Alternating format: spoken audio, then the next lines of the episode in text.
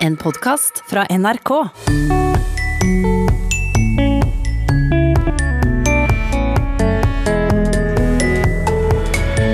Ulike former for personangrep florerer i den offentlige debatten. Men er det et lurt retorisk grep? Det er jo forskjell på en grisetakling og på en elegant fornærmelse. Så et personangrep kan jo òg være en oppvisning i veltalenhet. Men hva med grisespråk? Eller banning, om du vil. Er det godt for noe? Det er noen som påstår at de ikke banner, men de tror jeg fortrenger et eller annet hos seg sjøl. Banning er veld, en veldig viktig del av vokabularet til alle mennesker. Vel møtt til Språkteigen. Grisetaklinger og elegante fornærmelser er første stikkord i Språkteigens sommermiks i dag. Eller sagt med et annet ord personangrep. Et retorisk fenomen du finner overalt i den offentlige debatten, fra hvermannsen og helt opp til Det hvite hus. I mai i fjor var stipendiat Ida Andersen ved Universitetet i Bergen gjest her i Språkteigen, og fortalte om ulike former for personangrep. Et personangrep det er jo det vi gjerne kjenner som å ta mannen istedenfor ballen. Og i debatt- og argumentasjonssammenheng så så ser man gjerne på et personangrep som en feilslutning, der man prøver å tilbakevise et argument ved å angripe personen som framsetter argumentet, i stedet for å tilbakevise selve argumentet. da. Innenfor argumentasjonsteori, da, der man ser på hva som er et godt argument og hva som er et dårlig argument, så, så er dette ikke noe positivt, fordi at man nettopp flytte diskusjonen vekk fra argumentasjonen mens i retorikken så sier vi at det kommer an på. Så der kommer alt an på situasjonen. Så noen ganger så kan det kanskje være eh, på sin plass å angripe personen, da. Eh, fra et retorisk eh, standpunkt. Det skal vi sikkert komme tilbake til, men hva er det han vil oppnå da med et personangrep? Ja, i offentlig debatt da er det ofte to ting man prøver å oppnå. Og det ene er at man prøver å svekke motpartens troverdighet eller anseelse ved å angripe noe ved motpartens karakter. Sånn man prøver å så tvil om motpartens etos, som, som, består av kompetanse, karakter og velvilje. Altså mm. om man vil publikums beste, da. Og det å framstå som troverdig, det er jo helt nødvendig hvis du skal klare å overbevise noen. Og det andre man gjerne vil oppnå, det er å flytte diskusjonen fra saken til personen. Dette her er jo langt ifra et nytt fenomen. Sjøl om det kan virke slik i sosiale medier og alt som skjer i den offentlige debatten nå? Ja da, nei da, dette finner vi helt tilbake til antikken. Da satt personangrepene løst. Så dette er absolutt ikke noe nytt. Eh, det Nei, nå er vi tilbake. til alle tider. ja, til alle tider og i ulike varianter. Noe vi skal få noen eksempler på. Og vi skal starte med utskjelling. Og da går jo det an å, å høre litt på Trump, kanskje. Han, eh, han, gjør jo dette mye. Ja, og vi skal høre fra presidentvalgkampen, da Trump og Ted Cruz var rivaler. Uh, he's a nasty guy. People don't like him. You also have questioned his Christianity. Is that a Christian thing to do? To question? No, I say this. I say this. You can't lie and then hold up the Bible. Okay? You can't do that. You can't hold up all of these values and hold up the Bible and then lie. Dette er jo en veldig enkel form for personangrep. da. Eh, det han gjør, er jo rett og slett å omtale Ted Cruz ved hjelp av stygge ord. Og han gjør jo dette med så å si alle som retter kritikk mot han, eller som utgjør en eller annen form for motstand eller trussel. Og ofte bruker han mange ulike skjellsord for å angripe én og samme motstander. Sånn, Ted Cruz han har jo blitt kalt både Lying Ted og Nasty Guy. Uh, Hillary Clinton har blitt kalt både Lion Hillary, Crooked Hillary, Nasty Woman. Så det er et sånn eksempel på en litt sånn barnslig form for personangrep. Det er ikke veldig elegant og ofte ikke veldig kreativt. Men det Trump sannsynligvis prøver å oppnå med, med å feste disse beskrivelsene til navnene og konsekvent omtale sine motstandere med et sånt nedsettende ord foran navnet, da. Mm. Det er nok først og fremst å få de negative ordene til å feste seg til motstanderne, sånn at folk assosierer Hillary Clinton med å være en løgner og en kjeltring, f.eks. Eh, men du nevner det er ikke så veldig elegant. Mm. Det finnes mer elegant personangrep, sier du. Har du eksempler ja. på det? ja, vi kan jo gå en, eh, gå en, tur til litteraturen for å finne noen eh, veldig elegante utskjellinger. Mm. Eh, Shakespeare, han eh, Ja, dette er jo bare én av, en av mange eksempler man kan finne i de litterære verkene til Shakespeare. Og det er da fra King Lear. Eh, så her er det Oswald som får en blir utskjelt av Kent. What dost thou know me for? A knave, a rascal, an eater of broken meats, a base, proud, shallow, beggarly, three suited, hundred pound, filthy worsted, stocking knave, a lily livered, action taking, whoreson, glass gazing, super serviceable, finical rogue one trunk inheriting slave, one that wouldst be a bawd in way of good service, and art nothing but the composition of a knave, beggar, coward, pander, and son and heir of a mongrel bitch. Litt vanskelig engelsk å skjønne her, Ida, men kanskje du kan forklare oss hva vi hører? Jo, det vi hører er vel det vi kan kalle en real utskjelling. Eh, her hagler det med skjellsord. Ehm, men dette er en langt mer sofistikert utskjelling enn det Trump kommer med. Altså Shakespeare han benytter seg her av en rekke språklige virkemiddel. Og det mest fremtredende det er det språklige virkemiddelet som vi kaller akkumulatio. Og det er latin for å stable opp eller overøse. Og som et språklig virkemiddel så beskriver det nettopp et stilistisk grep der en taler samler opp en rekke poeng og sammenstiller disse for å øke effekten av disse poengene i dette tilfellet utskjellingen, da. Eh, og i tillegg til vanlige, eller vanlige i gåseøyne, da, eh, skjellsord som coward og whoreson, så finner vi òg en rekke sånn oppfinnsomme skjellsord som an eater of broken meats, glass gazing, one trunk, inheriting slave. Og så hører vi hvordan enkelte ord som nave, da, altså knekt, eh, gjentas flere ganger. Eh, og at enderim blir benytta som stilistisk grep. Sant? Nave, slave, composition, edition. Så det viser jo at Shakespeare eh, er en velartikulert fornærmer, da. Og dette var én form, men uh, vi har andre varianter. hva med deg sjøl-varianten, som jeg har notert her? Ja, det er jo det vi kaller tu quoqui, som er latin for du og, eller hva med deg sjøl. Ja. Eh, og det er jo et angrep der man prøver å påvise at vedkommende ikke lever sånn som hun eller han lærer. Så rett og slett å si ja, hva med deg sjøl, eller hva med deg, da. Eh, vi kan jo høre et eksempel derfra også fra Erna Solberg at hun gjør dette i en statsministerduell.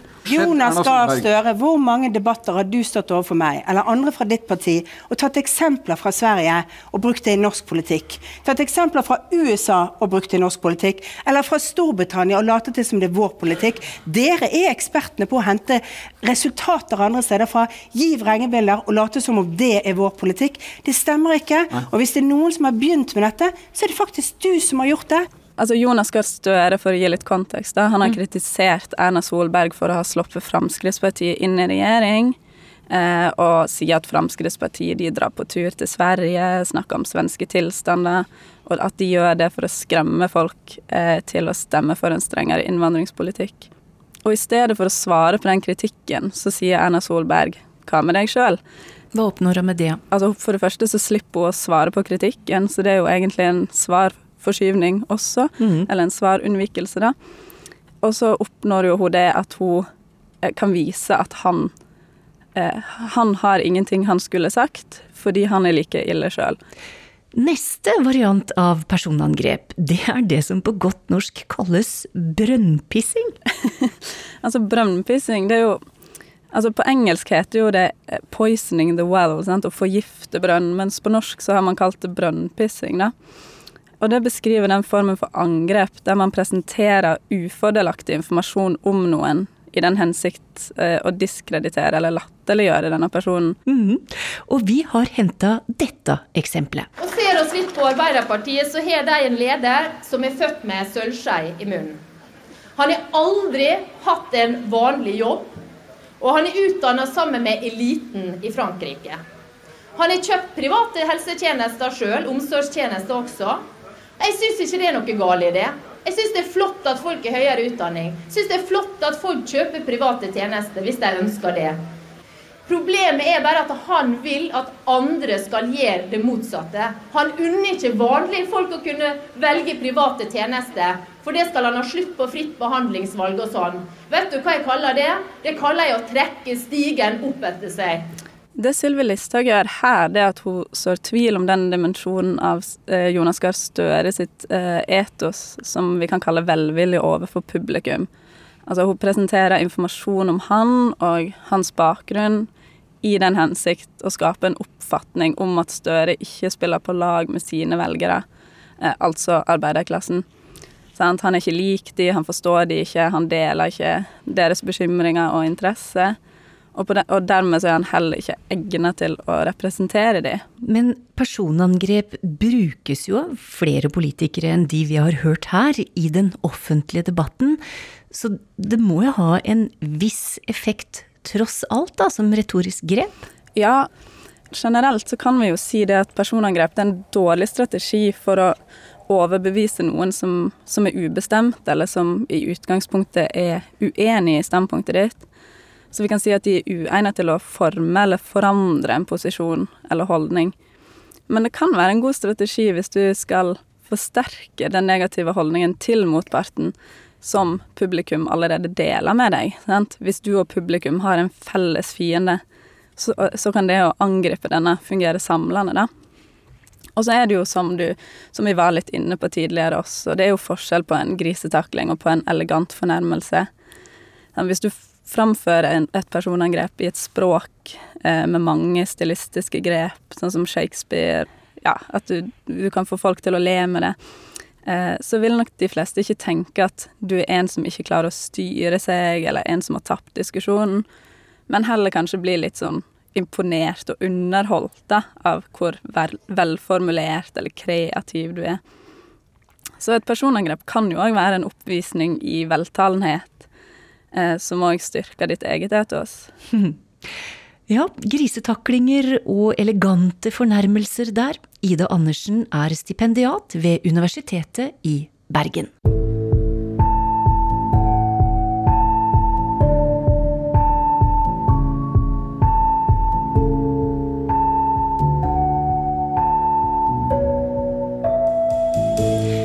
Fra grisetaklinger til grisespråk, for å si det litt forenkla.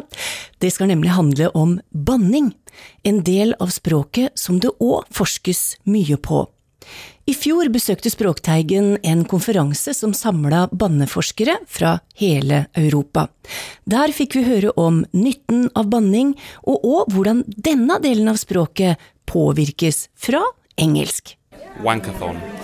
Perkele! Jag tycker fan är bäst. Og jævlar er riktig bra, det også. Absolutely. Slik høres det ut når språkforskere banner. Det brer om seg, dette for banneforskningen. For det er jo en viktig del av ordforrådet overalt, ikke sant? Ruth Vatvedt Fjeld er pensjonert professor for Universitetet i Oslo, og er banneforskningas grand old lady i Norge. Hun har bl.a. skrevet Norges eneste banneordbok. Dette høyfrekvente ordforrådet som alle har hoppa over i ordbøker og egentlig ikke ville snakke om, men bruker stadig. Derfor er det litt nyttig å, å jobbe med det. Helvete. Faen også. Cunt winged horror lizard, or in the original Russian pizdakili bledayeshe. 13 kvinner og 6 menn sitter benka rundt bordet i klasserommet. De lytter intenst på hverandre sine foredrag om tema som banning på 1600-tallet i Sverige, bruken av kraftuttrykk blant engelske TV-kjendiser, tabuspråk i danske kommentarfelt og mye, mye mer. Banning er veld, en veldig viktig del av vokabularet til alle mennesker. Det er noen som påstår at de ikke banner, men de tror jeg fortrenger et eller annet hos seg sjøl. I hvert fall de er så få at de regner vi ikke med her. Så de aller fleste banner, og da mener i hvert fall jeg at det er viktig at de har litt peiling på hvilke ord de bruker, og hvilken referanse de egentlig har, og hvilken funksjon det har. Det er viktig å forske på svordommer og banning, ettersom det er en vesentlig del av språket. Erik Falk er universitetslektor i svensk for Uppsala man måste beforska alla språkets nivåer. Det räcker inte bara med ordböjning eller ordbildning eller syntax eller textstruktur. Utan det kan vara sådana här expressiva ord och uttryck som är viktiga för kommunikationen. Och de är särskilt viktiga för att de väcker känslor. Vi kommer ihåg de här orden och jag har själv arbetat med minnestest. Att jag gör långa ordlistor och låter mina studenter läsa. De ord de kommer ihåg är ordet i början, ordet i slutet och alla svordomar. Hva er det så som kjennetegner banning i Skandinavia i 2019? Det er jo anglifiseringa. Det er at det går mot engelsk hele veien. Sier Ruth Vatvedt Fjell. Men før vi slipper til flere for ekspertisen, la oss ta en tur ut på gata i Stockholm. Jeg, Jag, ja, Absolutt. Hvilke absolut. Vilka svärord du? Ingen som jeg vil, vil nevne. nämna. Det är, det er utrivelig. Jeg tenker ikke sitte her og svære. Jag... Helvete, faen, satan. Jeg er litt amerikanisert, tror jeg sier ikke fuck. Hva sier dine barn? Oh, de, är- det er mye fuck og sånne her saker. Og fuck er jo blitt da et verdensbannord, egentlig. Og vi har ikke så mange verdensord. Vi har kanskje først og fremst ordet ok, som folk sier over hele verden. Men jeg tror av de der så er fuck nummer to også.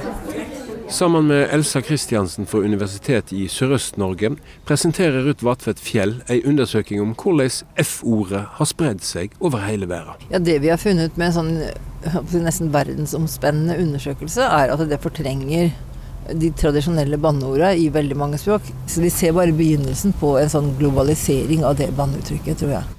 Et litt artig faktum er at ordet fuck faktisk har norsk opphav fra norrønt. Det kommer jo fra fokka, verbet å slå. Så det er et veldig maskulint ord. ikke sant? Det er jo mennenes handlinger under et samleie som det beskriver.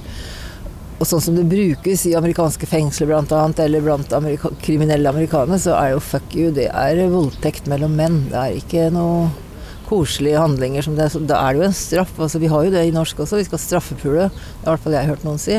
Som jo er veldig stygt. Og det gjelder selvsagt kvinner også, men det er primært i fengslene så er jo menn og kvinner sortert. Hva kommer det av at akkurat det ordet der er blitt så verdensomspennende, da? i, det er nok mye at man tar etter amerikanerne. Amerikanske ungdomsfilmer, eh, amerikanske opprørsfilmer. altså Gangsterfilmer, så er jo fuck brukt så veldig mye. Og da tar man Jeg tror filmene har veldig mye å si, rett og slett. Banner du mye sjøl? Dessverre, jeg må innrømme det. det kommer lett når jeg blir irritert, ja. Hun mener banning kan være bra for oss, fordi det hjelper oss med å få utløp for sterke følelser. Dr. Richard Stevens ved Kiel University i Manchester er psykolog, og han tar det enda et steg lenger. Han mener å kunne bevise at banning gjør oss sterkere og mer utholdende. There's certainly an element of swearing that is people find useful, and it may be something that we use to help us cope with different situations. Uh, and my own research has found that when you swear, you can better cope with pain. De som var med på forsøket, måtte holde handa i isvann så lenge de klarte. Først fikk de bare lov til å bruke nøytrale ord. Deretter fikk de lov til å banne. Og resultatet? Folk helt lengre ut med smertene når de fikk lov til å banne. You can express it as simply as when you swear, you just go for it a bit more. Something along those lines. You just don't hold back. Er det større aksept i befolkningen for banning generelt i dag? Eh, Det kommer an på hvordan du definerer banning. Fordi at eh, jeg mener at mange av de orda som vi bruker, som er akseptert, sånn herregud, det er blitt avtabuisert. Så det er jo egentlig ikke banning lenger. Det er bare et alminnelig uttrykk for overraskelse eller irritasjon eller hva det skal være for noe. Men sånne eh, holdt på å si, dagligdagse banneord som faen og helvete Mm. og jævlig, Mm. de, de blir brukt mer i offisielle sammenhenger og nå enn for eh, 30 år siden. Ja, det gjør de. Jeg merker jo det jeg som var språkkonsulent i NRK fra 2000 til 2012. Da var det jo ille hvis man sa drit eller søren. Men i dag så hører man jo slett ikke så sjelden både faen og jævlig, altså. Og jævlig særlig. Det sa språkprofessor og forfatter av Norsk banneordbok, Ruth Vatvedt Fjell. Reporter på bannekonferansen var Halvor Folgerød.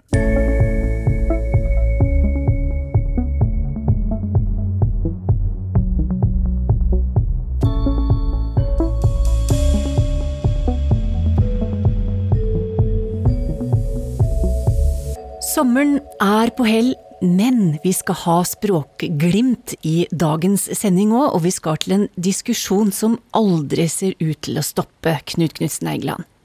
Og da snakker vi om uttalen av eh, navnet på hovedstaden vår, Oslo. Skal det være med tynn S eller med sj-lyd? Da kan vi kanskje lande hvor som helst da, når det gjelder hvilket år dette gjenhøret er fra?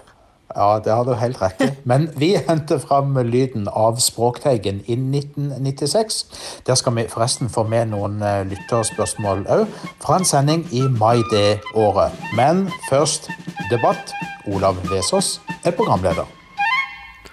Vel møtt på Språkteigen att, og aller først i dag skal vi snakke litt om uttalen av navnet på hovedstaden vår. Oslo eller Oslo? Og du, Finn Erik Vinje, du vil ha Oslo. Jeg har eh, anbefalt den formen, ja. Men eh, språkkonsulenten for NRK nå, professor Dag Gundersen, som ikke hadde høve til å være i studio her, men som er med oss på telefonen, eh, du Dag Gundersen, du vil ha Oslo. Det vil jeg slett ikke. Jeg har sagt at de som vil si Oslo, kan si Oslo. Men det er aldri noen som har gått imot at de som vil si Oslo, kan det. Jeg sier Oslo selv som regel. Ja, men uh, i denne språk, uh, språkbrevet til uh, medarbeiderne her i NRK, så har du jo sagt at, at du er uenig med Finn Erik Vinje som vil ha Oslo. Det har jeg ikke sagt. Det har du ikke lest godt nok. Nei vel? Jeg har sagt det at den tynne S-en kan ikke lenger gjøre krav på noen enerett, men den har fortsatt rett til sameksistens, har jeg sagt i språkbrevet. Ja, Ola vil at jeg skal kommentere dette her. Jeg sier jo at øh, jeg tar, anbefaler altså Oslo, da. Og det bygger jeg jo på, simpelthen at det er eh, konvensjon og tradisjon. Eh, Det kan eh, meget vel være at eh, i hovedstaden er et flertall av mennesker som sier Oslo. Men jeg synes at i visse uttalesituasjoner, sånn som i nyhetslesning i radio, så må man legge vind på et mer riksgyldig uh, talespråk, og det innebærer etter min vurdering Oslo, liksom Aslo og Hasle og fengsel og Russland. De alternative formene av typen altså Russland og Asle, de er gangbare, men ikke akkurat gangbare i nyhetslesning i, i radio og fjernsyn. Og jeg legger også vind på at man i nyhetsformidling skal forsøke å komme fram til en form da, for, som ikke skaper friksjoner, som ikke virker avstikkende på noe vis. Og den som leser nyhetene og sier Oslo, han risikerer ikke at lytterne sitter og, og blir avsporet altså av en uttale som virker litt sånn fremmed i de omgivelsene. Ja, Dag Gundersen, eh, har du noe svar på dette? Ja, det er jo en ren meningsytring fra Finn Erik, dette her. da. Det ene er ikke mer landsgjeldig enn det andre. Og det er umulig å si hva som virker støtende på folk. Det er vel nesten ikke den ting som ikke kan virke støtende på en eller annen. Det er heller ikke slik at Oslo med tynn S har noen lengre tradisjon i hovedstadens språk enn Oslo har. Nå la jeg jo merke til at Finn Erik jo nærmest overdrev dette her med Oslo. Det er jo ingen som sier. Ja, jeg sitter i radioen vet du, og er pedagogisk, så jeg Ja, det prøver jeg å være, og det. Men da, hvordan, ut, hvordan ligger det an med sånne ord som Karsli og Torstein og sånn, da? Du sier vel ikke det? Du Nei. sier vel Karsli og Torstein? Det er en annen ting. Nei, det er ikke en annen ting. Det er akkurat det samme. For det som skjer, er at når folk ikke lenger har klart for seg hva et sammensatt ord er sammensatt av, så behandler de det ikke som sammensetning lenger, men som et hvilket som helst annet ord i språket. Og da er kombinasjonen SL fullt gangbar, som, sl- akkurat som den er i framryd med slepe og slenge osv. Og, så og Karsli og Torstein. Hvis man ser på de uttaleordbøkene som har vært utgitt i dette hundreåret, Ja, først eh, 1970. Alnes uh, i to utgaver og Berrulsen i 69, så ser man der at der står altså Oslo. Og det er ikke noe tvil om at det er standarduttalen uh, i radio og fjernsyn og slikt. Den uttalen. Men en annen ting er at man kan naturligvis slå et slag for at uh, Oslo-uttalen skal hevde sin rett, og det er jo et greit synspunkt. Somme vil vel synes at uh, Oslo er litt fisefint, hvis Ja. man skal bruke det ordet? Ja, nettopp. Jeg vet Ja, da er vi inne på ren synsing, altså. Det er jeg for min del forsiktig med. Nå syns jeg jo egentlig dette er en nokså unødvendig diskusjon, da. For uh, begge deler er, er gangbare. Det ene har ikke noe mer hevd enn det andre. Bærelsens Bærulsens uttaleordbok fra 1969 er helt utmerket, men den er tross alt en del år gammel, da, så den kan ikke bruke den som alibi i, i alle sammenhenger, og slettes ikke i, i dette her. Nei, men det vi diskuterte var om det fantes en konvensjon, en tradisjon for en uttale i standardtalen. Og det, det gjør det. I denne typen så er tradisjonen Asle og Øyslebø og, og Hasla og En fengsel. tradisjon, ja, ikke tradisjon en, men én tradisjon, Finn Erik. Det nytter ikke å tøye det der lenger enn til å si at dette her er én blant flere. Du kan si at det er den fremste blant likemenn, hvis du endelig vil, men, men det får vel duge. Men la oss avslutte denne diskusjonen, vi kommer vel ikke stort lenger. Men så vidt jeg vet, så sa den tidligere ordføreren i Oslo, Oslo som jeg sier det, Brynjulf Bull, Oslo. Og så til spørsmåla som er eh, kommet inn, eh, og fra nå av, Finn Erik Vinje. Er du med som språkekspert og ikke som meningsytrer? Det er bra. Espen Halvorsen i Oslo har ringt og gjort oppmerksom på at på to husfasader i Bygdøy allé, ei gate i Oslo, der er det støpt inn i murveien to husnummer som har eh, fått denne utforminga NO45, NO47. Og dette er jo en uvanlig måte å skrive nummer på. Ja, det er en morsom iakttagelse. Jeg må si Espen Halvorsen må være en mann som har øynene med seg. Eh, For la oss først slå fast at når ordet nummer skal forkortes, så skal eh, det gjøres bare på én måte. En skriver NR. Punktum eller ikke punktum, det er valgfritt. Um, altså Vi tar den første og den siste bokstaven i ordet. Det utgjør forkortelsen sånn som vi er vant til. Doktor uh, forkortes til DR. Men så ser altså Espen Halvorsen forkortelsen NO på fasadene i Bygdøy allé. Og nu nummer har da vel aldri vært skrevet med O? Det har skrives med U. Ja, Og det er riktig, det har aldri vært skrevet med O. Da er det en spesialforklaring. Og forkortelsen NO, det er nemlig ikke en sammendraging av nummer, men av den sjeldne formen numero. Og den O-en som det slutter på, det er altså utlyden i dette ordet numero. Det er italiensk numero, eventuelt kan det være en latinsk ablativ med samme formen. Vi bruker ikke lenger numero i norsk, men oppmerksomme nordmenn har kanskje lagt merke til at denne formen forekommer av og til i svensk. Svenskene kan si numero ett, två osv. Men hos oss er det meget sjelden, og et av de sjeldne tilfellene er altså i Bygdøy allé. Ivar Eskeland i Oslo han eh, har lagt merke til at ordet at verbet 'virke' et seg inn på områder der det ikke hører heime. Han har sett eh, i Aftenposten med, i et intervju med Tor Obrestad der det sto Tor Obrestad virker ellers å ha et ganske nøkternt levesett. Slutt. Og så skriver Eskeland videre. Jeg har ingen grunn til å tvile på at Tor Obrestad lever ganske nøkternt. Derimot er det vel ikke språklig helt bra at Tor Obrestad virker i dette tilfellet. Hadde han vært alene om å virke på den måten, hadde jeg korkje brydd meg sjøl eller Språkteigen, skriver Esland, men en ser altfor ofte ordet virke brukt på denne måten. Ja, jeg skjønner hva Ivar Esland mener, og dette verbet virke, det opptrer nå, eh, kanskje oftere og oftere, i omgivelser der det før eh, sjelden, eller iallfall aldri, eller aldri forekom. Altså Tor Obrestad virker å ha et nøkternt eh, levesett.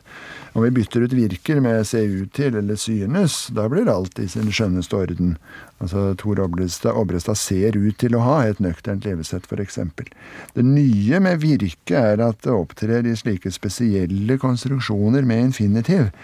I norsk sier vi f.eks. hun virker yngre, det virker komisk, det virker som han er dum, men altså ikke han virker å være dum.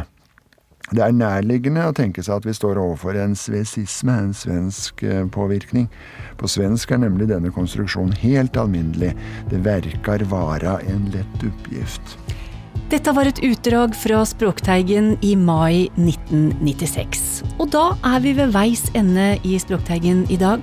Vi høres om ei uke. Ha det bra.